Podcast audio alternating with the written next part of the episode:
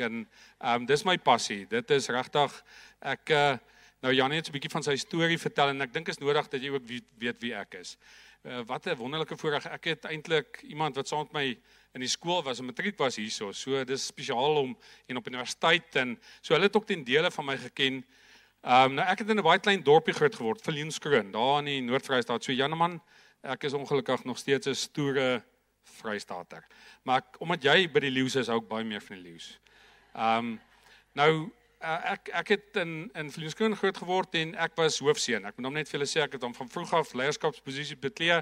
Dis dan net later in my in my uh, uh gevorderde loopbaan nie. Ek was hoofseun gewees. Ehm um, van 17 matrieks, daar was sewe seuns.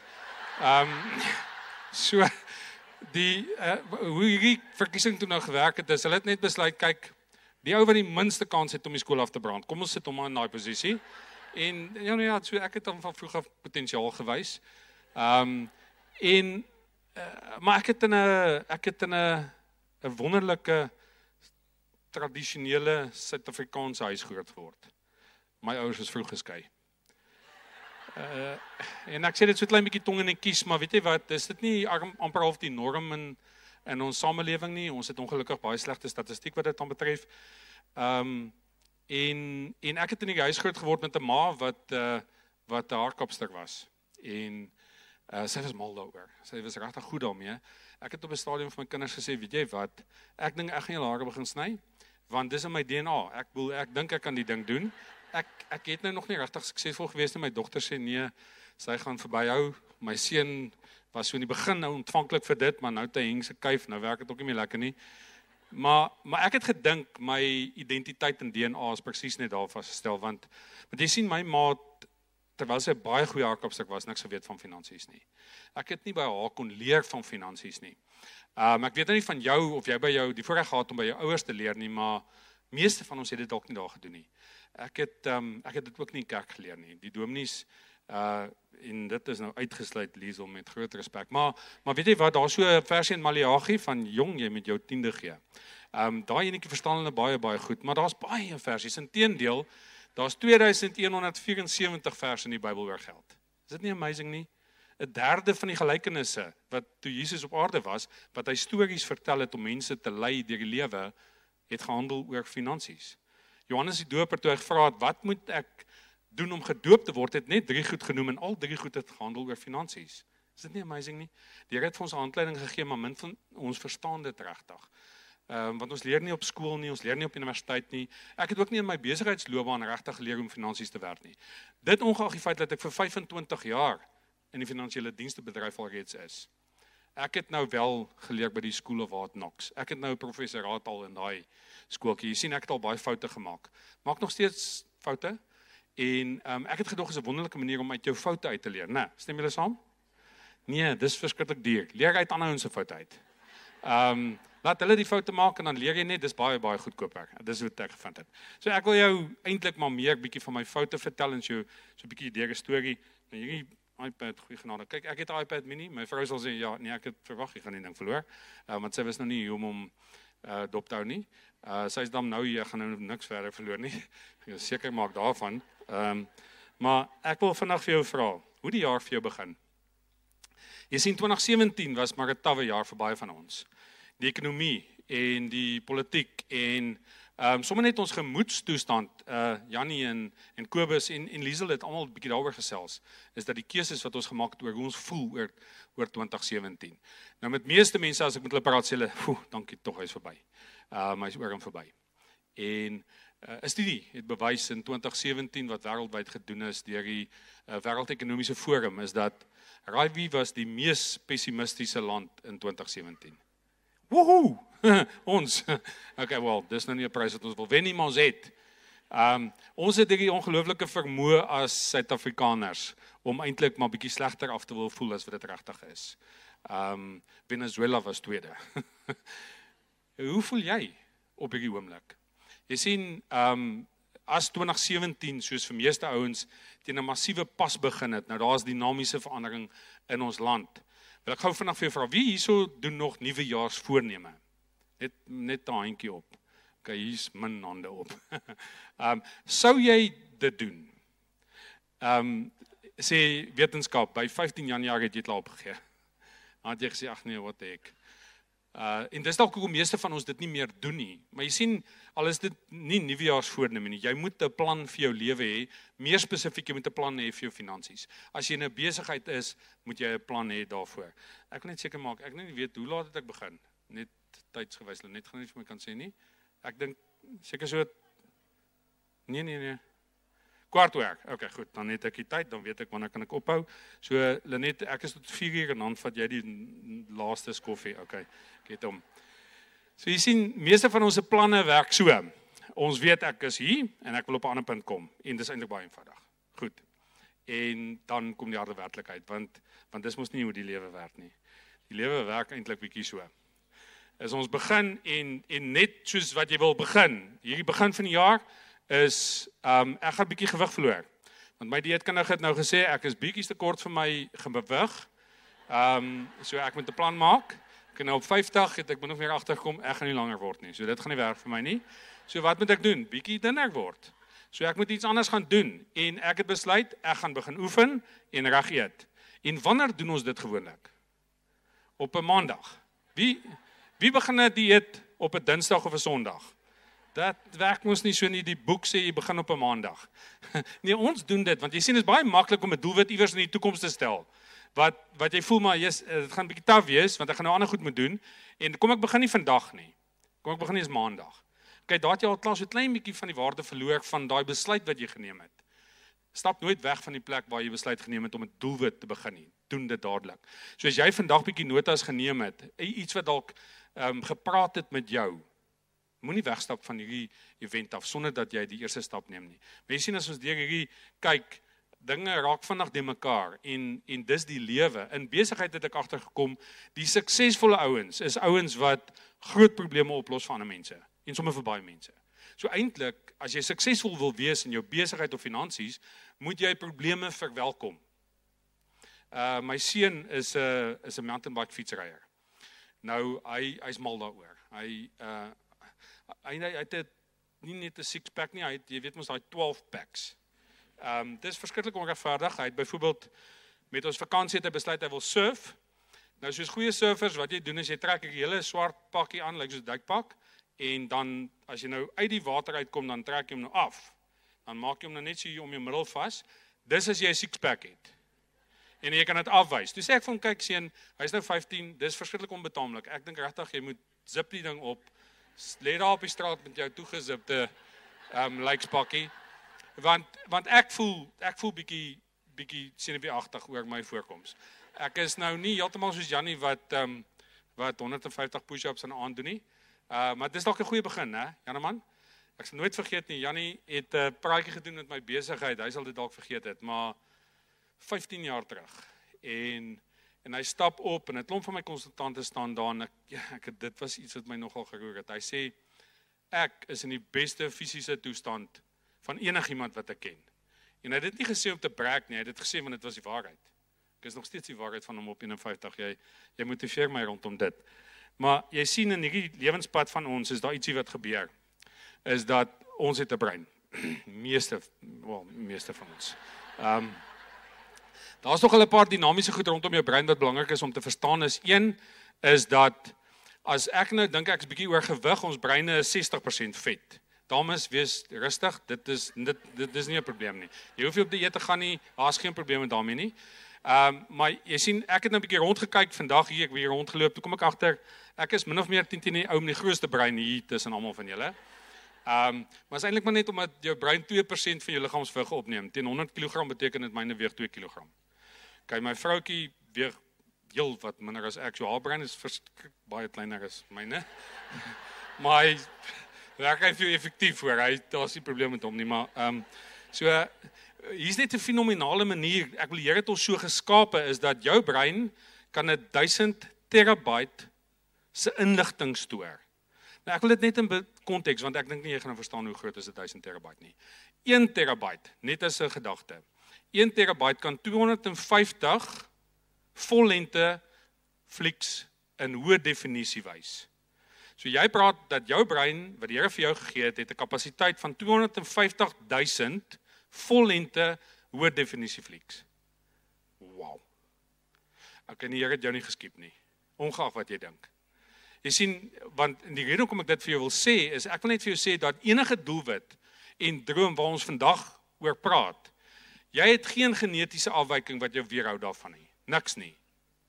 Nie waar jy vandaan kom nie, nie waar jy nou is nie. Daar's niks wat jou stop behalwe jy nie. Ek en jy kan die wêreld en Zuma en die ekonomie en die Guptas en wie ook al probeer skuld gee. En die harde werklikheid is is niemand van daai ons is skuldig in terme van die posisie waar ek en jy onsself bevind nie. Want ons het die tools. Die Here het dit klaar vir ons gegee. Um wat amazing is is dat Here het 'n beskermingsmeganisme ingebou. Dan daai eerste deel van jou brein, daai breinstam. Ek gaan nou nie vir jou biologie les gee nie, maar het die Here so geskaap om ons te beskerm. Nou hulle noem dit die Rambo brein of eintlik die reptielbrein is ons oudste oudste deel van ons brein. En wat hy doen is hy bepaal jou bloeddruk en jou asemhaling en al daai tipe van goed. Hy doen dit 24 dankie tog 24 ure 'n dag. So imagine nou as jy nou moes wakker bly, ehm um, Hulle vertel 'n storie van 'n van 'n blond en nou gaan ek verskriklik moeilikheid te kry, maar want dit net vertel ehm um, hulle kom agter sy lê daar op sy paadjie en sy al nie eintlik asem nie en hulle sit oorfone gehad en hulle tel die oorfone op en hulle sit dit op en hulle hoor haal in, blaas uit, haal in. Nee, ek maak net 'n grapie, dis nie regtig so nie. Jou liggaam doen dit self. Die Here het ons so wonderlik geskape. Maar hier's die ding wat hy ook gedoen het, is hy beskerm ons teen goed wat ons vrees want jy sien daai breinstam besluit heel eerste. Dink gou vir 'n oomblik as jy in die wildtuin rondgehardloop het en daar kom 'n leeu en jou emosionele brein skop on of jou rasionele brein en jou rasionele brein sê, "Hm, hy lyk nie honger nie." En jou emosionele brein sê, "Nee, wat? Ek dink hy's 'n vegetariër. Ek dink hy gaan verbyhou." Jy sien dis wat nie gebeur nie want wat jou reptielbrein skop in en hy sê, "Hardloop, hardloop, papi. Hierdie leeu kom vir jou." En dankie tog want imagine jy het nou daar rondgestaan en gewonder of hierdie leeu vegetariër is of nie. So dit beskerm ons, maar wat dit ook doen is as jy onmiddellik hierdie groot doelwitte en drome van jou het of dit finansies is of dit verhoudings is of dit fisies is, maak nie regtig saak nie. Skop daai brein in want hy sê o, oh, hier kom moeilikheid, ek gaan nou moet verander. En dit stop ons. So so enige plek waar jy jouself bevind, is nie eintlik jou skuld nie. So ek wil jou sommer nou verontskuldig daarvan. Maar jy kan niets doen daarmee. Want die Here het vir jou hierdie fenominale brein gegee. So ek wil dit net nou toets hoe wonderlik is julle breine want uh, Koenie het nou vir my gesê en Vanessa het beamoen dit is regtig die slimste van slimste mense wat ingeskryf het. Jy het nie geweet nie maar so klein IQ toetsie toe jy inskryf, maar ons wil dit net gou toets. Ek wil net gou kyk hoe goed doen julle. Wat sien julle daar? Wie kan vir my sê? Vliegtuig, wie het 'n vliegtuig gesien? OK, julle is reg. Daar is 'n vliegtuig in daai prentjie. Die wat nie 'n vliegtuig gesien het nie, ons na die tyd doen ons toets oogtoetse, dan help ons jou gou. OK. Stem julle saam met my, dis 'n vliegtuig wat vlieg en dit is nie teen 'n vragvliegtuig want ek wil uit 'n uit 'n logo op. Wie wie sien die pile op die vliegtuig? Miskien net 'n hand op. Wie sien wie almal sien die pile? Daar's 1 2 3 mense wat die pile sien. Ehm um, Okay, so ons is so 1300 mense en hier so sê maar 5 mense wat die pile sien. Kyk gou net mooi, sien jy die pile? Daar's nog mense wat pile begin sien want ek het jou brein nou begin guide want jy het voor die tyd dit nie gesien nie. Kom ek gee vir jou 'n beter prentjie. Wie sien nou die pile? OK, sien jy daar tussen die 1 en die X is 'n pyl. Goed. It's amazing now. OK, goed, dit was heeltyd daar. jou brein het net ander goed gaan soek. En toe ek vir jou sê waar is die pyl, toe kan jou brein net nie fokus nie. Nou nou dis die slegte ding. Wie sien wie sien die eetlepel? Daar's een persoon met eetlepel sien. Nou nou jy nou jou brein bietjie meer. Wie wie sien die eetlepel? As hy. Jy gaan hom kyk vir hom, kyk vir hom. sien jy hierso, die E. Daar's die eetlepeltjie. OK. So ek het jou nou net baie vinnig gewys wat is die krag van jou brein. Wie sien nie die e-, eetlepel nie? Dit vat baie keer so rukkie. Uh Is maar net dalk hulle eet met meer gevorderde toerusting as eetlepels. Hier's hy. Daar's hy. Nou sien hulle hom almal. Wie het nie die pyl gesien nie? Almal het. Goed. Terwyl jou brein powerful is, baie keer flous hy jou. Hy flous jou met iets wat baie baie ooglopend is. Dit gebeur elke liewe dag in ons lewens. Dit gebeur so met jou finansies, want jy sê vir jouself 'n klomp goed en raai wat gebeur? Jou brein begin jou glo. Ek is nie goed hiermee nie. Dit kan nie werk vir my nie. Ek gaan nooit werk nie. Steve Jobs het um Hy hy is die stigter van Apple. Nou ek is 'n taamlike groot Apple fan en 2011 is hy oorlede. Hy hy het kanker gehad. Um, hy kon dit voorkom, maar hy was te slim vir homself. Maar hoe dit ook al sê, hy was so 11 miljard dollar werd ten tye van sy afsterwe. Miskien kan ek net vinnig vra wie hier is miljonêers net by wyse van handopsteek. Vanessa is daar's ons een Hier's 'n paar Janie is 'n miljonair. Hy het mos gesê hy weer dubbel verdieping mansion in 'n estate. Jy moet 'n miljonair wees. Kyk goed. Kan ek jou gou help om 'n miljonair te word? Jy sien, wat ons doen is jy het onmiddellik het jy begin dink aan geld en jou bankrekening. Toe ek vir jou vra as jy 'n miljonair. En dis eintlik nie wat ek bedoel nie. Toe ons in 2009 ons besigheid begin het, ek was hoof van uh bemarking en verkope van die Discovery Groep, um 'n uh, multi-biljoen rand besigheid en ek het op 'n punt gekom waar ek 'n besluit geneem het en ek sal nou vinnig daaroor gesels om my lewe te verander want ehm um, want ek was op daai stadium besig om hierdie koöperatiewe leer uit te klim en fame and fortune na te jaag en te dink is wonderlik. Uh net om eintlik uit te vind dat weet jy wat die wat ek gedink het die grootste bate is is nie 'n bate nie. Uh en en ek het iets nagelaat en dit was my gesin en ek moes 'n keuse maak rondom waarheen ek vorentoe gaan. Ehm um, die konteks van miljonêerskap is eintlik wat is tussen jou ore? Hoe dink jy oor die lewe? Want jy sien daar's soveel goed, rykdom en welvaart is eintlik al die goed wat jy het wat geld nie kan koop nie. Een daarvan is gesondheid en tyd. So wat het Steve Jobs nie wat almal van ons hier het? Tyd. Tyd saam met sy geliefdes, tyd saam met sy familie en tyd saam met sy besigheid. So in sy terme as ek hom 'n vraag kom vra, Steve, How much of your money would you give away to buy more time with family and friends? Wat dink julle sal die antwoord wees? Alles. Dis tog die waarheid, né? Nee, ek en jy weet dit. Ons hoef nie te wonder daaroor nie. Hy sou 11 miljard dollar ruil vir jou en vir my om te kan plekke ruil met ons en hy kan dit nie doen nie. Vinnig net weer 'n vraag. Wie is 'n miljonair? As hy. Want jy sien uiteindelik is dit oor wat ons dink, nie hoe ons voel in terme van ons bankrekening nie goed om ons nie. Ons volg geflous deur bemarking en 'n en 'n klomp ander goed. Toe ons ons besigheid begin het, toe ek hierdie verskriklike wonderlike idee nou 2009, ehm um, kom ek op 'n punt en daai punt was eintlik eenvoudig is dat ek het besef dat ek is besig om my gesin totaal en al um, na te laat ten opsigte van werk en dit te wou doen. Ek het altyd die droom gehad as 'n jong seun, uh, ek moes my ma help met finansies op ouderdom 13. Sy sy het nie kon nie finansies bestuur nie, sy was 'n uh, aardkapster. My pa was um, 'n volslae alkoholist. Hy um, hy het drie broers gehad. Al drie van hulle was volslae alkoholiste. Sy pa, my oupa, was 'n volslae alkoholist, 'n hele gesin van alkoholiste. So jy sien, ek kom baie baie maklik in daai struik getrap het om te sê dat dit is my DNA.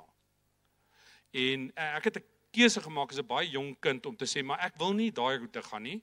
En ehm um, ek onthou baie goed, ek vra my ma op 'n stadium, wie van julle is oud genoeg om North Star tekkies te onthou? Ja, hier's 'n paar van julle, nie almal nie. Vir die jonger garde, North Star is soos Nikes. Gaan eintlik net baie beter, maar dis ons Nikes van ons tyd gewees. Ek wou verskriklik graag North Star tekkies hê. Want ek het 'n vriend gehad en en geld was nie 'n probleem nie en hy het Nostar tekkies gehad. En ek sê vir my ma, kan ek graag Nostar tekkies kry? En sy sê, "Boeta, jy kan nie." Dit was nie omdat sy dit nie vir my wou koop nie. Sy kon nie. Sy kon dit regtig vir my koop nie. En ek het toe 'n keuse gemaak en ek het gesê, "Weet jy, my kinders sal nooit deur dit gaan nie." En toe begin ek hierdie koöperatiewe rykdom najag want ek het gedink dit is hoe ek hoe ek het toevallig in die bank be, beland. Ek het 'n boek gelees oor Wilbur Smith, was so 14 jaar oud en daarin praat hy nou van die Accep bankier en hy vlieg in vliegtye en jets en hy's verskriklik ryk en hy ehm um, en hy baie goals. Hy was soos Janie gewees. Ehm um, baie. En ek dink wat heck, dit klink vir my na 'n deal hierdie. Ek gaan 'n Accep bankier word. En ek deel dit toe na my ma toe ek sy in die aand by die huis kom ek sê ma, jy kan nie glo nie, ek weet presies wat ek gaan word op ouderdom 13. Dit is nogal 'n groot ehm um, dis 'n groot klip van 'n ouers se skouers asof jy weet jou kind weet wat hy wil doen. Sy sê nee, wat gaan jy doen? Ek sê nee, ek gaan ek sê bankier word. Sy sê wat is dit? Ek sê nee, ek kan nie 'n klou nie, maar gaan dit wees. Ehm um, uiteindelik ek het daai loopbaan gevolg, maar ehm um, maar ek het 'n paar groot foute gemaak in daai tyd want want jy sien daai gedagte dat hierdie koöperatiewe leer vir my kinders en my vrou gaan gee wat hulle regtig nodig het was 'n groot fout geweest. Ehm um, ek het 'n onderneming gemaak toe my ma vir my sê sy kan nie vir my North Star tekkies koop nie dat my kinders nooit daardeur sal gaan nie. En weet jy wat uiteindelik is dit die verkeerde beleid want want dis hoekom ek al leer gaan uitklim het vir dit. So tegnies was dit 'n goeie rede maar uiteindelik het ek totaal die verkeerde resultaat bereik. En en dit was 'n uitdaging. So as jy na daai boom kyk, wat sien jy? Dis 'n appelboom, né? Wonderlike gesonde appels. Nou 'n appel is aan 'n tak en 'n tak is aan 'n boom. En 'n boom het begin by 'n saadjie, stem met my saam. Jy sien ons lewe is ook so, ons dra vrugte. Het sy dit in verhoudings is of dit finansies is of dit fisies is, maak nie regtig saak nie. En partykeer dan kom ons op 'n punt waar ons nie regtig van die vrugte hou nie. En ons sien so 'n vrot appel. En hoe meer vrot appels ons sien, hoe meer minder begin ons van die vrugte hou. En wat ons dan doen is wat doen ons? Ons pluk die vrot appels af en ons gooi hulle weg.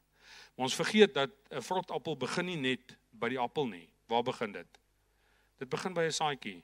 Dit begin by daai punt van om te sê net hoorie maar wat is dit wat onderliggend my DNA is? Hoe dink ek oor die lewe? En beide Kobus en Janie en Liesel het het gesels daaroor. Dis 'n tema wat reg deurtrek want jou denke bepaal wie jy regtig is. En uiteindelik het ons baie keer nie beheer nie want ons brein blok ons so 'n bietjie. Ek het dit nou-nou vir jou gewys en ons het hierdie uitdaging om te sê hoe oorkom ons hierdie negatiewe denke? En ek wil vinnig 'n paar lesse met jou deel. Die een is en ons het dit al gesê op verskillende maniere is hierdie groot droom van jou is eintlik maar 'n visie. Wat is jou visie vir jou lewe? Meer nog, wat is jou visie vir jou finansies? Het jy een? Het jy 'n visie soos wat toe Jannie gevra het, "Wie is ek?" En hy het dit baie duidelik. Wow, ek het sommer hoendervleis. Ek kan net sommer weer hoendervleis as ek daaraan dink. En ek gaan verseker kom vir 'n coaching coaching sessie daar by jou. Ja, nou man, ek het baie netjies kan gaan doen. Ek het 'n baie goeie idee en ek het dit al neer gaan skryf vele male oor wat my visie is. Oor 'n klomp goed. Het jy 'n visie vir jou finansies? En as jy 'n besigheid het, het jy 'n visie vir jou besigheid? As jy nou langs iemand sit en ek sê vir jou, hoor, hier's goue minuut, gesels gou met een langs jou en vertel jou visie gaan jy dit met iemand kan deel. Ons sien baie keer van ons het drome, maar drome bou nie 'n fenominale lewe nie. Drome alleenlik. Jy moet fondamente ook bou. Uiteindelik is daai fondamente baie deurdagte visie wat jy wil hê. En ek wil vinnig net vir jou so twee voorbeelde wys. One giant leap for mankind.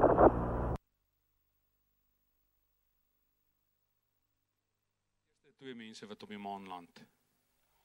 Dit was 'n massiewe visie wat um Amerika gehad het, meer nog JFK 8 jaar voor dit het hy gesê we going to send someone to the moon. Maar die visie het nie daar gestop nie, want imagine nou daai twee drommels sit nou nog steeds daar. Okay, dit sal nie goed gewees het nie. Jy sien hy het 'n baie deurdagte visie gehad. Hy het gesê we will send someone to the moon and bring them back safely. okay, dit was kind of belangrik vir die vir die ouetjies wat op baie ruimtetuig was. So, maak seker jy het 'n deeglike visie. Kan ek vinnig vra wie sal graag meer geld wil hê?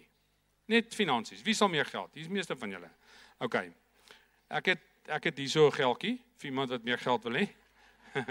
OK. Ek gaan nou weer uitkom. Nou weer uitkom. Ek hou van jou entoesiasme. Maar ehm um, jy sien as ek sê meer geld, kan ek nou vir jou 'n randjie gee? Ons het nou gelukkig nou ons ons neek nou nie meer rond met 5 sente en 2 sente en sulke goed nie. Wat ek. OK, ons werk nou in rande en op. Maar eintlik is 5 rande ek ek onthou baie baie goed. Elsa kon onthou waar is Elsa, ek sien haar nou nie. Ehm um, waar is hy? Daar iewers. Okay, maar ek het 'n groot FM praatjie gedoen en ehm um, en ek praat oor die R5 plan. En ek sê dat weet jy wat, jy het net R5 'n dag nodig elke dag wat jy op sy sit en jy het 10% saamgestelde rente en oor 40 jaar is dit 'n miljoen rand. En toe nou na dit kom ek by die huis en dan kom ek agter my R5 wat raak weg. Ehm um, en ek wonder nou, ek weet my vrou speel nie met klein geld nie, so dit is nie sy nie. Maar toe hierdie seun van my nou geluister na die storie en hy begin R5 insamel, maar myne. Ek sê te vir hom nee, chom. Daai is nie die deal nie. Jy moet jou eie R5 begin uitsort. So ehm um, maar maar dit is letterlik so, R5 'n dag gaan jou miljonair kan maak. Nou kan jy vir my sê ja maar. Want jy sien ons het baie ja maar's in ons lewe, ook in finansies. Ja, maar ek het nie 40 jaar nie. Dit maak nie saak nie. Ehm um, ja, maar waar belê ek vir 10%? Dit maak nie saak nie. Ehm um, goed, jy kan nie vir my sê jy het nie R5 'n dag nie, want almal van ons het. Ek gee nie regtig om waar jy is nie. As jy mooi daaroor dink, as jy R2.500 'n maand verdien, gaan jy in jou werksloopbaan 'n miljonair word. Maar dis nie wat jy maak wat jou miljonair maak nie, is wat jy hou. En ons verstaan hierdie beginsels, hierdie eenvoudige goedjies doen ons nie.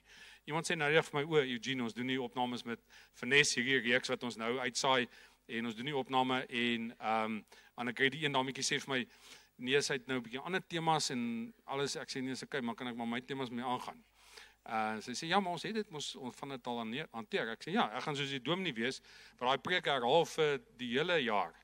En tot die ouderling kom en sê hoor die dominee, maar ons het hierdie preek al gehoor. Toe sê hy nee, is reg. Maar gaan hom preek tot jy begin doen wat ek sê. so ehm um, partykeer hoor ons die goed en ons weet dit, maar ons doen dit net nie. Ek wil ehm um, so jy sien hierdie droom van iemand maand toe stuur vir ons, vir jou en vir my, is dit dalk ja, dis bietjie groot. Dis 'n groot droom. En dit is, ek wil dit het 2.6 miljard dollar gevat in 1969 om hierdie maanlanding te doen. Maar maar nie ver van hier af nie. Ek dink julle ken hierdie fotootjie, ek het sommer sy naam bygesit. Het 'n uh, ouetjie in Pretoria groot geword. In 1971 is hy gebore, na die maanlanding. En hy het hierdie drome gehad om 'n vuurpyl en 'n uh, maanlanding te doen. Inteendeel, hy het so 'n bietjie verder as die maan gedroom. So die maanlanding ding, dit het 3 dae gevat om die om die vuurpyl in die ouens daar te kry op die maan. Elon Musk, Pretoriaaner sê hy wil mense Mars toe stuur. Nou met die regte voertuig gaan dit jou 300 dae vat. So nou moet jy dink jy moet 300 dae se brandstof en al daai goedjies hê. Dis onmoontlik, né? Nee, stem jy saam met my? Hy dink nie so nie, want dis wat hy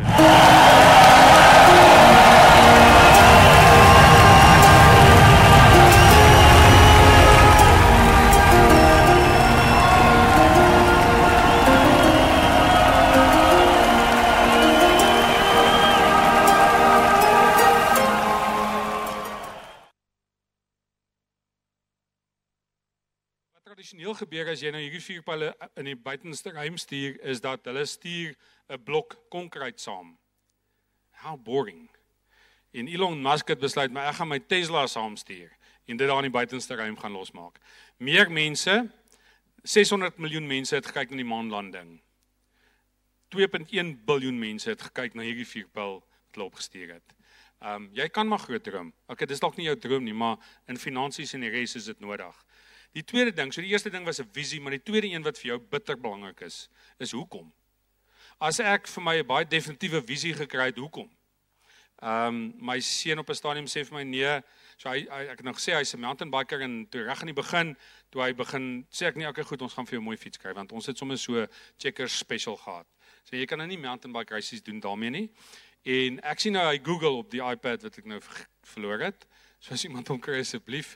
Daar's verskillike oulike besigheidsplanne op. So as jy hom het, maak dit gebruik daarvan. Dit gaan nou vir jou baie waarde kan wees dat hy dan nou nie verlore gaan nie.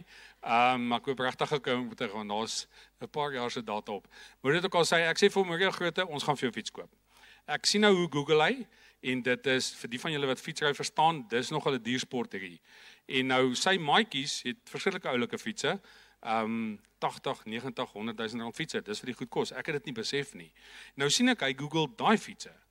En op 'n stadium, ek en my vrou gesels en ons kry uh ons kry toe vir 'n fiets en ek sê vir hom, "Hoorie Boeta, jou fiets is op pad." Ja, my ek is opgewonde. Uh kry die fiets by die huis en uh wat toe nou gebeur? Nee, sê jou timing is nie reg nie. Ek gaan dit maar ignore, maar is okay. Kobus het, Janie het, so ek gaan ook maar. Sorry Lenet.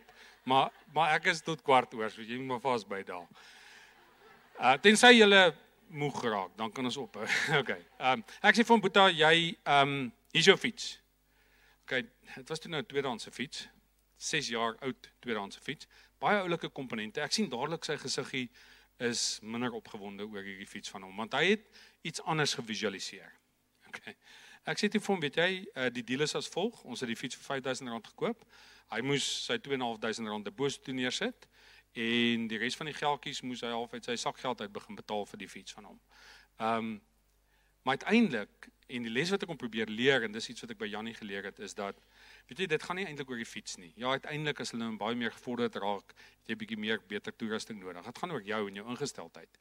En ek onthou baie baie goed 'n jaar terug sy eerste sy eerste proewe wat hy doen as hy in affies en hy wil regtig goed doen vir homself en sy ketting val twee keer af en toe ek hom so by die laaste draai sien met so met so 300 meter voor toe lê hy 10de in hierdie proewe en net die eerste 3 kom deur En ek kan sien sy gesig hang en ek wonder toe nou wat gebeur. Ek weet toe nou op baie staan nie wat fout is nie. Maar ek sien hy hy trap en hy trap en hy jaag hier ouens so van agter af in en nou uiteindelik kom hy vyfde. So hy mis daai daai nommer 3 spot met 2. En hy staan daar en ek kan sien daai traan is baie vlak en hy sê vir my pappa my ketting het twee keer afgeval. En hy's mismoedig en ek kan dit aanvoel. In my hart wil sommer breek vir die ouetjie. Ek sê chom, hier's 'n les te leer. Dink gou, die beste ryer in die wêreld, wie's dit? Nou hy het so 'n held wat hy volg. Ek sê dink jy hy het al 'n ketting gehad wat afgeval het in 'n reis? Hy sê ja, nee, hy dink hy het. Ek sê hy het duidelik nie opgehou nie. Want weet jy wat jou challenges maak jou sterker. So jy moet nie vra vir maklik nie. As jy maklik, volgende keer moet jy hoop jou ketting val 3 keer af. En laat jy dan nie oudjies van agter in ry want dink net hoe goed moet jy dan wees. En dit is net 'n eenvoudige les wat ek en jy ons wil vir ons kinders dit maklik gee, maar weet jy wat maklik is nie altyd goed nie. Ons moet die lewe is nie net maklik nie. Ek weet nie wie van julle het net 'n maklike lewe gehad. Ek wil net gou vinnig kyk want ek het nog nooit so mens ontmoet nie. Ek net seker maar ek het hom net ontmoet vandag. Okay, niemand van ons het nie. Dit is nie maklik nie. Ek weet nie dit werk net in geen lewe so nie. So die rede is hoekom is daai goed wat jou moet dryf die dag as dit taaf gaan. As jy 'n visie het, maar jy kom nie daarby uit nie en jy weet hoe ek moet iets anders doen. Ehm um, hier's een van my grootste hoekoms.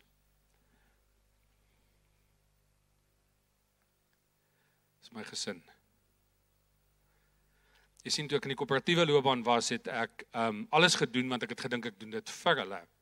Maar jy sien ek het dit eintlik om hulle gedoen want hulle was nie deel van dit nie. En ek moes 'n keuse maak rondom dit. Toe ek besef dat weet jy wat, my pa is alkolikus en um sy hele familie is dan kon ek besluit neem om te sê maar ek gaan dit nooit wees nie. My pa het in sy lewe nooit vir my intendeel ek jok, hy het een keer vir my gesê hy is baie lief vir my. En hy was dronk. So ek kon nie weet met watter intensiteit kon ek aan. Ek weet hy was lief vir my. Hy het net nie die kapasiteit nie. Baie van ons mans wat hier in die 50 omgewing is, jou pa dalk nooit vir jou gesê hy's lief vir jou nie, want ons hulle was nie in daai era groot gemaak nie. En ek het besluit my kinders sal nooit ooit gaan dat hulle weet en sê ek is nie lief vir hulle nie. So hulle moet elke dag dit weet. Nou my laaitie um, is 'n minder emosionele mens. toe sy ouma oorlede is op 97 toe dit was dan nou 'n hele paar jaar terug toe sê hy ja sy moes nog net 3 jaar geleef het dan was sy 100. Uh, dit was glad nie dat hy nie lief was vir haar nie maar hy het net en hy dink so 'n bietjie in somme en syfers. Ehm um, hy het vandag eendag vir my gesê hy gaan hy gaan 'n besigheidsman word. My meisiekind het vandag eendag gesê pappa jy moenie worry nie gaan vir jou kom werk nie. Jy so ek worry glad nie meer daaroor nie. Maar maar ek wil die uit, uitdaging van dit is dat ek moes keuses maak in daai journey. En ehm um, baie keer dink ons ons doen die regte goed, maar ons doen dit vir al die verkeerde redes. My gesin en my familie is is vir my een van die grootste hoekoms. Partykeer moet dit 'n emosionele rede wees. Ek eh, ek was baie fiks en baie trim op 'n stadium. Vanessa wys my 'n foto van die pik. Dis dan nou 'n leeftyd terug en ek kyk dalk sê jy, maar ek het 'n goeie hare dos gehad en ek was verseker dit was ek kan nou nie onthou hoe lank terug was dit nie, maar ek besef is so 20 kg terug. So ek kan hom ten minste in kilogram onthou hoe, hoe lank dit terug was. En ehm um, en ja, en die feit van die saak is dat ek weet, ek moet in terme van ek wil graag my meisiekind ehm um, in die pad af vat en daai paadjie afvat as hy trou. Nie vinnig nie, né? Jy moet nie idees kry nie. So uh, maar ek wil daar wees. So ek moet na my gesondheid kyk. Uh my pa is uiteindelik oorlede uh onder andere aan 'n hartaanval. Hy het 'n klomp van hulle gehad. En so ons DNA is daar, maar jy sien ek kon kies want my DNA is nie noodwendig soek dit nie. Um, hy sê besef jy wat 'n uh, wat besef jy waar ons is? Ek in 2009 is die tweede grootste resessie ooit. En hy gee toe sommer dadelik vir 'n nuwe raad. Hy sê niemand begin 'n besigheid in 'n resessie nie. Ek sê vir hom niemand. Hy sê niemand nie. Ek sê wel dan moet ek die enigste ou wees wat 'n besigheid begin. Ek kan nie anders as om suksesvol te wees nie. Daar's geen kompetisie wees nie. So partykeer moet jy so klein bietjie besluit. So hier's 'n vraag. Jou identiteit, is dit iets wat gekoppel is jare terug in terme van jou finansies en jou besigheid en het jy dit jou waarheid gemaak want dis nie noodwendig jou waarheid nie. Want jou identiteit is heel iets anders. Ehm um, ek gaan gou 'n storie vertel. My meisiekind so 'n bietjie meer as 'n jaar terug Ehm um, sy's 18 nou, matriek en ons ek gaan haar by die kerk, hulle aandkerk en sy kom uit en sy sê vir my pappa, ek het 'n visie in die kerk gekry. Ek sê, "Oké, okay, luister jy nie dominee in die kerk nie?" Ehm um, sy sê nee, maar ek het 'n visie gekry. Ek wil ehm um, ek wil 'n galery begin. Ek dink, "Wow, ek het dit powerful want sy het mos nou lank al vir my gesê sy gaan nou nie in my voetspore volg nie. Sy gaan nie besigheid doen nie." En maar sy sy's 'n drama queen. Sy het 'n passie vir drama. En dit is stunning. En sy sê vir my sy gaan dit doen. Nou ons het ehm um, sulke date nights en ons gaan op 'n date night, maar kom toe hierdie enetjie agter is sy's baie mooi aangetrek. Daai fotootjie daar onder in die middel. Sy's gedres vir hierdie okasie. Nou ons gaan eet altyd sushi want ehm um, want my seun hou nie baie van sushi nie. So dan vat maak ons gebruik van die kans en dan nou wat sy doen is ongeag hierdie drama queen um, natuur van haar het sy haar iPhone uit. En dan ek weet nie wie van julle hou van sushi nie maar dis mos eintlik maar 'n morsige storie om te bestel. Want jy onthou wat jy wil hê en as die waiter kom dan jy nou weer die menu uithaal en weer kyk want jy het dit al weer vergeet. Wel dis ten minste ek. Nie sy nie sy maak notas presies. Okay, sy gaan nou 3 van daai, 2 van daai, 1 van die reën. Sy ruk haar boekie uit, maar sy's ja, half die waiter bietjie aan en uh nou wonder ek wat en ook iets anders wat snaaks was sy het 'n notaboek by haar gehad vir ons date aand tog dit is nogal snaaks. Toe die makker daar weg gesê sy vir my, "Hoorie pappa, ek het 'n besigheidsplan wat ek met jou wil bespreek." Ek dog, "Oké, okay, hier kom iets." En sy pluk haar boekie oop, is daai prentjie daar links bo. En sy sê ek het hierdie hierdie visie van my het ek gaan uitskryf in 'n besigheidsplan. Sy vra my 'n paar vrae. Ehm, um, nou sê sy nou hierso. Ek het nie gepak en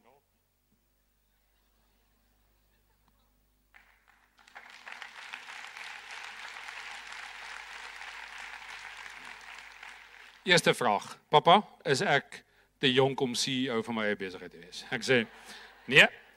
Jy kan CEO wees. Sy sê, "Oké, okay, goed, hier's hoe dit werk. Dis 'n galery, drie vloere. Eerste vloer is bestaande kunstenaars wat uitstal. OK, en ek vra hulle 'n fooi van 30% vir die uitstalling. Tweede vloer is opkomende kunstenaars wat dit nie kan bekostig om te uit te stal nie.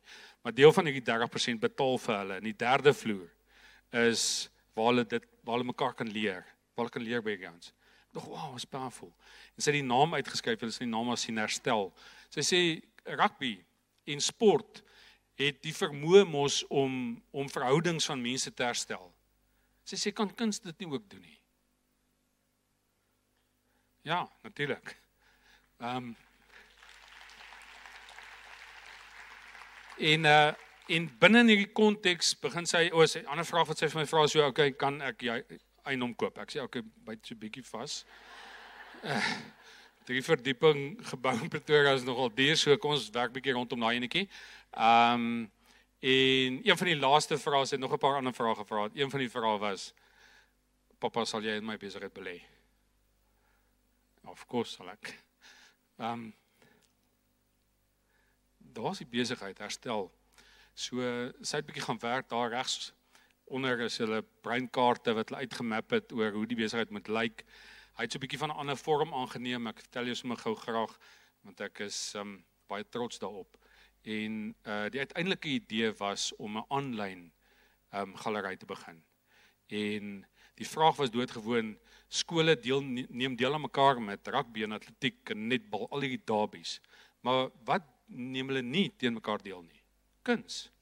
Want dit is mos nie prakties om hierdie kuns nou rond te ry en maar wat van as elke kunstenaar homself kan oplaai, sy kuns kan afneem en dit op 'n site sit en oumas en oupas kan op Instagram en al hierdie sosiale media plekke gaan stem daarvoor. Is dit nie 'n cool idee nie?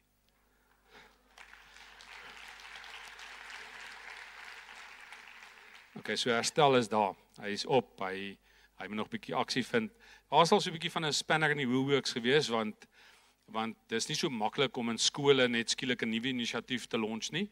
So raai wat, die eerste struikelblokke is hier. Hulle gaan sê, "Ja, nee, maar wat van dit en wat van dat en okay, ons gee nie regtig om nie want we're going to go through with it en ek weet sy gaan ongelooflike impak kan hê daarmee as sy dit deur sien en daar buite vir mense deel maak van hierdie van hierdie pakkie.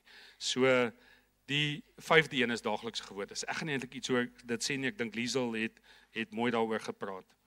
Wanneer ons praat oor finansies en ek begin klaarmaak, sê jy uh, Tony Robbins, een van die top welvaart bestuurders in die wêreld, sê geld is niks meer as 'n refleksie van jou kreatiwiteit nie.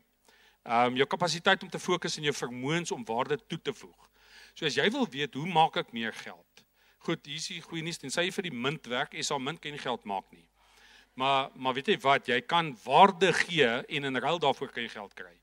En dis doodgewoon net dit is dat dink jy kreatief wanneer dit kom by geld, want jy sien um 'n kind in op skool kan kreatief begin dink oor hierdie maniere wat van ons. En ek gaan so een videoetjie vir jou net wys van van 'n voorbeeld daarvan. Nou Die statistiek is teen ons. 3% van mense in Suid-Afrika word finansiëel onafhanklik. En dalk sit jy so, dit beteken as ons nou 'n groepie van 1200 mense is, is daar so 30 plus van ons hierso wat finansiëel onafhanklik gaan wees. So dit gaan ek wees en dalk 'n paar van julle nou nog. Okay, of jy kan dit verander, want dit is net statistiek, né? Dis nie die waarheid nie. Dis nie wie jy hoef te wees nie. Jy moet net 'n besluit neem rondom dit.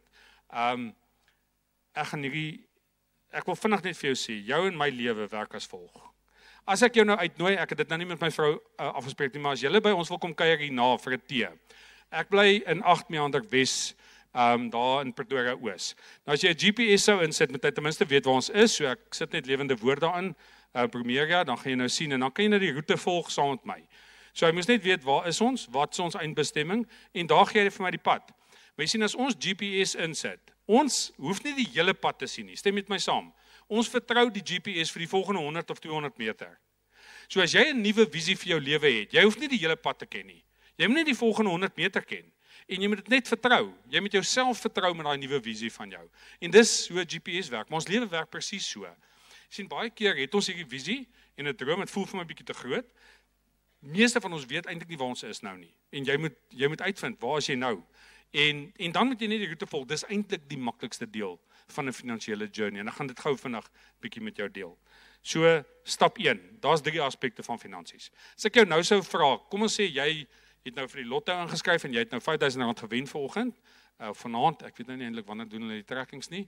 Ehm um, iemand sê een vra vir my of wens ek ook nie ek gaan die lotto wen nie. Ek sê ja, dit gaan bietjie moeilik wees. Ek het nou nog nie 'n kaartjie gekoop nie. So ehm um, jy moet seker 'n kaartjie koop as jy wil inwees. Ek sê koop liewer 'n kaartjie vir die lewe, want jy het 'n baie beter kans om te wen. Drie stappe. 1. Hoeveel verdien jy? 2. Hoeveel gee jy uit? 3. Het jy 'n surplus? As jy net daai eerste 3 stappe, dis die beginpunt. Dis die begin van jou GPS. As jy dit net verstaan, hoeveel verdien ek is vir meeste ouens maklik want jy kry 'n salaris met 'n strokie. Die hoeveel ek spandeer is bietjie moeiliker want meeste van ons weet eintlik nie wat ek spandeer nie. Maar dit is baie maklik om 'n ATM te besoek en geld te onttrek en dan koop ek 'n klomp goed en ek weet nie wat het ek met my geld gedoen nie. So doodgewoon net 'n paar lesse van 'n spandeer perspektief. Die eerste ding is net begin elke rand tel. Dit is soos 'n dieet. Jy sien 'n begroting is nie noodwendig die ding wat jou uiteindelik finansiëel welvarend gaan maak nie. Maar begroting is soos 'n dieet. Dis die beginpunt sodat jy 'n nuwe lewenstyl kan hê. Want ek weet van niemand wees al vir 30 jaar op 'n dieet. Ek weet dit werk nie. Ek wil as jy nou vir 30 jaar op 'n dieet is, dan moet iets vir jou sê, hoorie, hierdie werk nie so lekker nie. Doen iets anders. So jy gaan nie vir 30 jaar 100% fokus op hierde doen nie. Dis net 'n nuwe lewenstyl wat jy moet aanleer. Um die 10 sekonde reël. Goed. Ek het dit nou in die laaste jaar of so 'n bietjie begin doen self. As jy in 'n winkel instap en jy wil um regtig iets graag hê. Dames luister gerus. Um dis nie net op julle gemik nie. Moenie moenie hoor nie. Um as jy dan voor jy koop, doen die 10 sekonde reël. Maar al wat dit sê is whatever jy in jou hand gehad het, hang dit terug op die hanger of as daar 'n dame rond staan wat altyd probeer help, sê soms vir my kom net gou hier, hou net gou vas asseblief en dan stap jy uit die winkel uit. En dan staan jy vir 10 sekondes buite en dan besluit jy het ek dit regtig nodig. jy sien partykeer kan ons ander besluite neem en ons hoef dit nie te doen nie. Die tweede een is verdien meer. Nou die e-, enigste een wat ek daar wil hanteer is begin 'n besigheid. Nou onthou nou as jy vir iemand werk, kan jy nog steeds 'n besigheid begin. Jy's nie net dan sien jy 'n entrepreneur nie, jy's 'n entrepreneur. Jy besef net dat ek kan meer waarde toevoeg vir my maatskappy en daarvoor gaan jy meer geld verdien. Ek wil sommer net so 'n storieetjie vir julle wys. So 2 jaar terug saam met Koenie hulle het ons 'n uh, uh, werkswinkel aangebied, uh, vat jou finansies vas. Uh, daar was so 500 dames daar gewees. Ehm um, en in daai dag het ek so dit was 'n hele paar uur het ons bietjie gepraat oor die hele konteks van finansies en een uitdaging wat ek vir mense gee het is begin 'n besigheid. Luister gou hierna. Ek is 'n skrywer. Ek is 'n entrepreneur en ek is speech.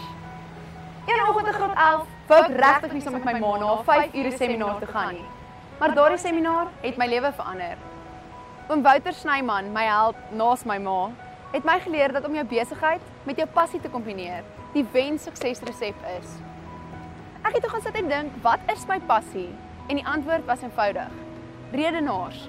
Om ATKV toesprake te skryf en op te voer is my passie. My kop het geborrel van idees. En die Sondag was my webwerf gemaak en my besigheidsplan geskryf. Nou is ek 'n student in die mooi Kaap en ek het 40 ATKV toesprake geskryf oor my Desember vakansie. Die ekstra inkomste help ook baie vir 'n arme student se sak. Ek is Charlize Herman. Ek is 'n entrepreneur en ek is speech. Wat is jy?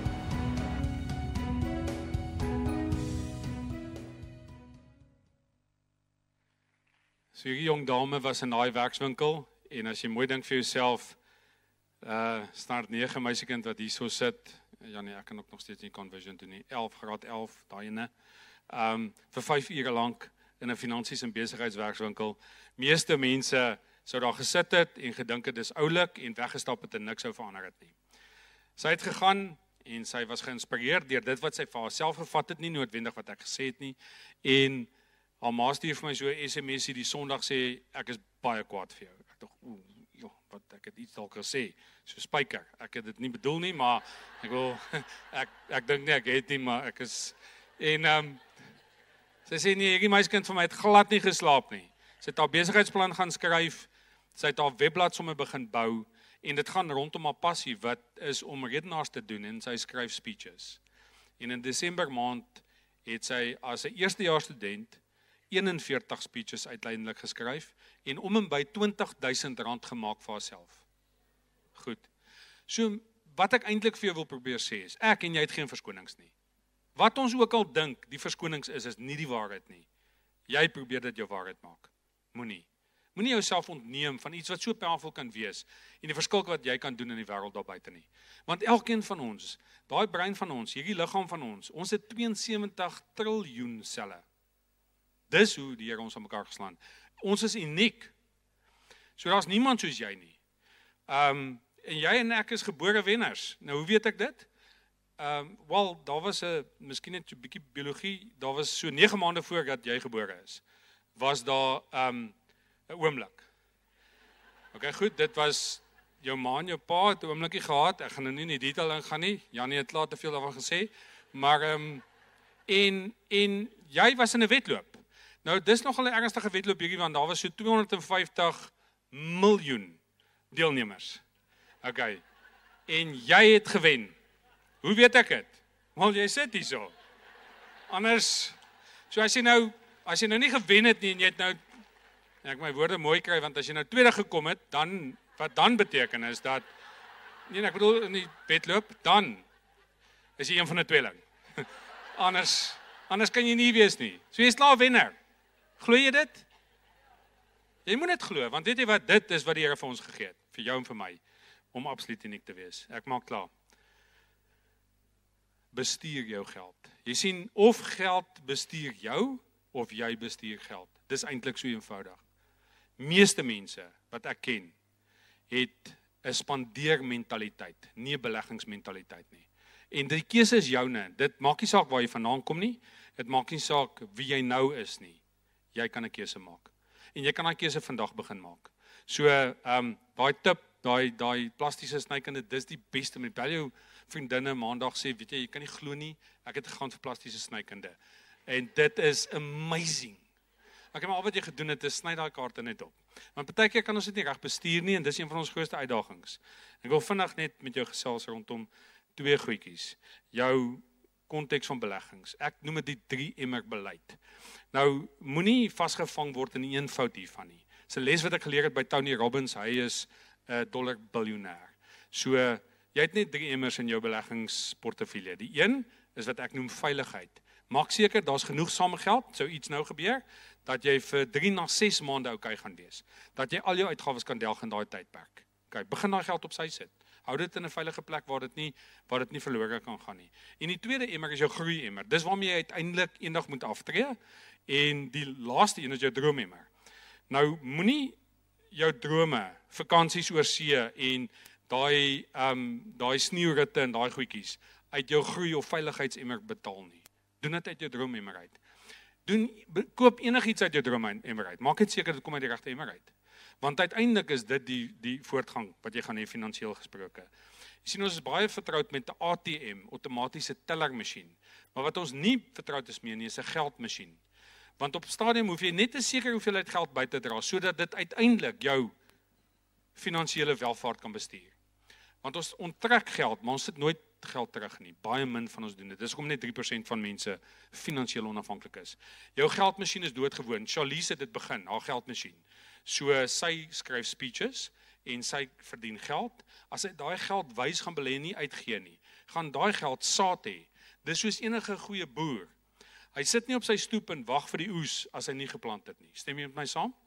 As hy nou 'n bietjie honger was en hy het al sy saad opgevreet. Daar gaan niks plant, daar gaan niks groei nie. Maar dis wat ons doen. Ons gebruik al ons geld en verwag daar iemand gaan vir my sorg op my aftrede. Dit gebeur nie. OK, goed, daar is nie fairies wat dit gaan doen nie. Jy moet dit doen. Jy moet dit self doen. Dis 'n eenvoudige proses wat jy kan stop. Ek wil eh, so wat ons gedoen het is ons het 'n programmetjie gaan skep want ek wil om dit 'n uur te doen is baie moeilik om jou deur hierdie journey te vat. 14 dae wat jy kan op jou eie rustige tyd gaan deurgaan. Uh my goeie vriend en vernoot Hytjie Berg is hierso. Hy is deel van die programmetjie waar ons het gesê het ons het 'n passie om mense te leer en jou deel te maak van 'n journey om finansiëel vry te kom. Want as ek nou vir jou vra, wie wil ryk wees hierso? Hande op. Wie wil eerder finansiëel vry wees? Hande op. Want jy sien, dis 'n totaal ander strategie. Rykdom is vir baie min mense beskore. Jy moet baie baie ryk wees. Maar finansiële vryheid, as jy net weet wat jou verwagting is rondom dit, is 'n totaal ander ding. Jy kan dit in 5 jaar doen. As jy baie goed is in 3 jaar, as jy briljant is in 'n jaar. So dis baie maklik om te doen. Jy hoef nie 40 jaar, 40 ure aan mekaar te werk sodat jy met 40% van jou salaris oorweg kom nie want dis wat ons doen in aftrede en ons moet versigtig wees daarmee. So die kursus is 'n 14 dag kursus. Dis hoe hy lyk. Like. Hiersoos ons het videoetjies aan mekaar geslaan. Ehm um, nou wat min mense weet van Hytjie is dat hy almal baie mense ken hom as 'n akteur. Hy is dit ook. Ehm um, en besige mannetjie. Maar ehm um, wat hy ook is, is 'n briljante skrywer. Hy het 'n boek uitgegee wat 'n bestseller is. Maar wat min mense weet is hy's ook 'n entrepreneur. So ons wou gaan sê het, maar weet jy wat enige iemand kan dit doen en kom ons stap bietjie deur die pad en leer jou hierdie lesse. En dis tipies wat ons doen. Jy kan opteken by daai webblad The Ordinary Millionaire um .co.za en dan kan jy deur hierdie journey stap. Ek maak klaar. So vinnige vraag. Het nou nou gevra wie soek 'n geldjie? Kan maar voor jy antwoord, voor jy antwoord. Hoeveel is dit werd? Ek het nou ek doen hierdie gewoonlik met kinders en die van julle wat my al gesien het sou hoeveel is dit werd net vir die met swak oë? 200 rand. Hoe weet jy dit? Sê op, né? Goed. Ek wil net gou kyk hierso. Dis geteken deur Joel Marcus. Soos enige goeie politikus is hy al reeds gefire. OK? So sy werk nou nie meer vir die regering nie. Uh dit is uitgegee deur die Suid-Afrikaanse Reservebank en ondersteun deur ons regering. Wie hierso het totale vertroue in ons regering op hierdie stadium? Dat hulle al die regte goedjies gaan doen. OK, min van ons, né? Maar tog sê ek en jy hierdie is R200 werd. En eintlik is dit net 'n stuk papier. Goed. As ek die volgende vir jou vra, hoeveel is dit nou werd? Steeds R200, né? Okay, as jy volgende doen en ek het nou 'n bietjie buite rondgeloop, so vergewe maar. Ag. Hoeveel is dit nou werd? Nog steeds R200. Jy sien in die lewe gebeur dit dat ons word opgevrommel en ons word opgetrap. En dan dink ons ons waarde het verander. Baie meer werd, né? Jy sien die Here het nie bedank nie. Hy is nie gefire nie. Hy is nog steeds daar. Het jou en my met 'n unieke doel geskape. Of dit finansies is en of dit verhoudings is, maak nie regtig saak nie. Uiteindelik is ons baie meer werd as enige papier daar buite. Jy moet dit net jou identiteit maak. So vinnige vraag. Wie wil die geld hê? Wie wil jy dit hê? OK, goed, sy wil dit hê. Wie wil dit hê? Ek wil net seker maak, wie wil die geld hê? O, oh, hier kom iemand. Wat is jou naam? Sonika. Sonika. Hier is vir 200 rand, so. OK, hoekom hoekom het Sonika die geldjies gekry? Sy het opgestaan. Want jy sien in die lewe is dit die laaste les wat jy moet leer. As jy nie opstaan en aksie neem nie, kan jy met jou handjie swaai soos wat jy wil. Die lewe gaan vir jou niks gee nie. Baie baie dankie. Luister graag na Lenet. Dankie wat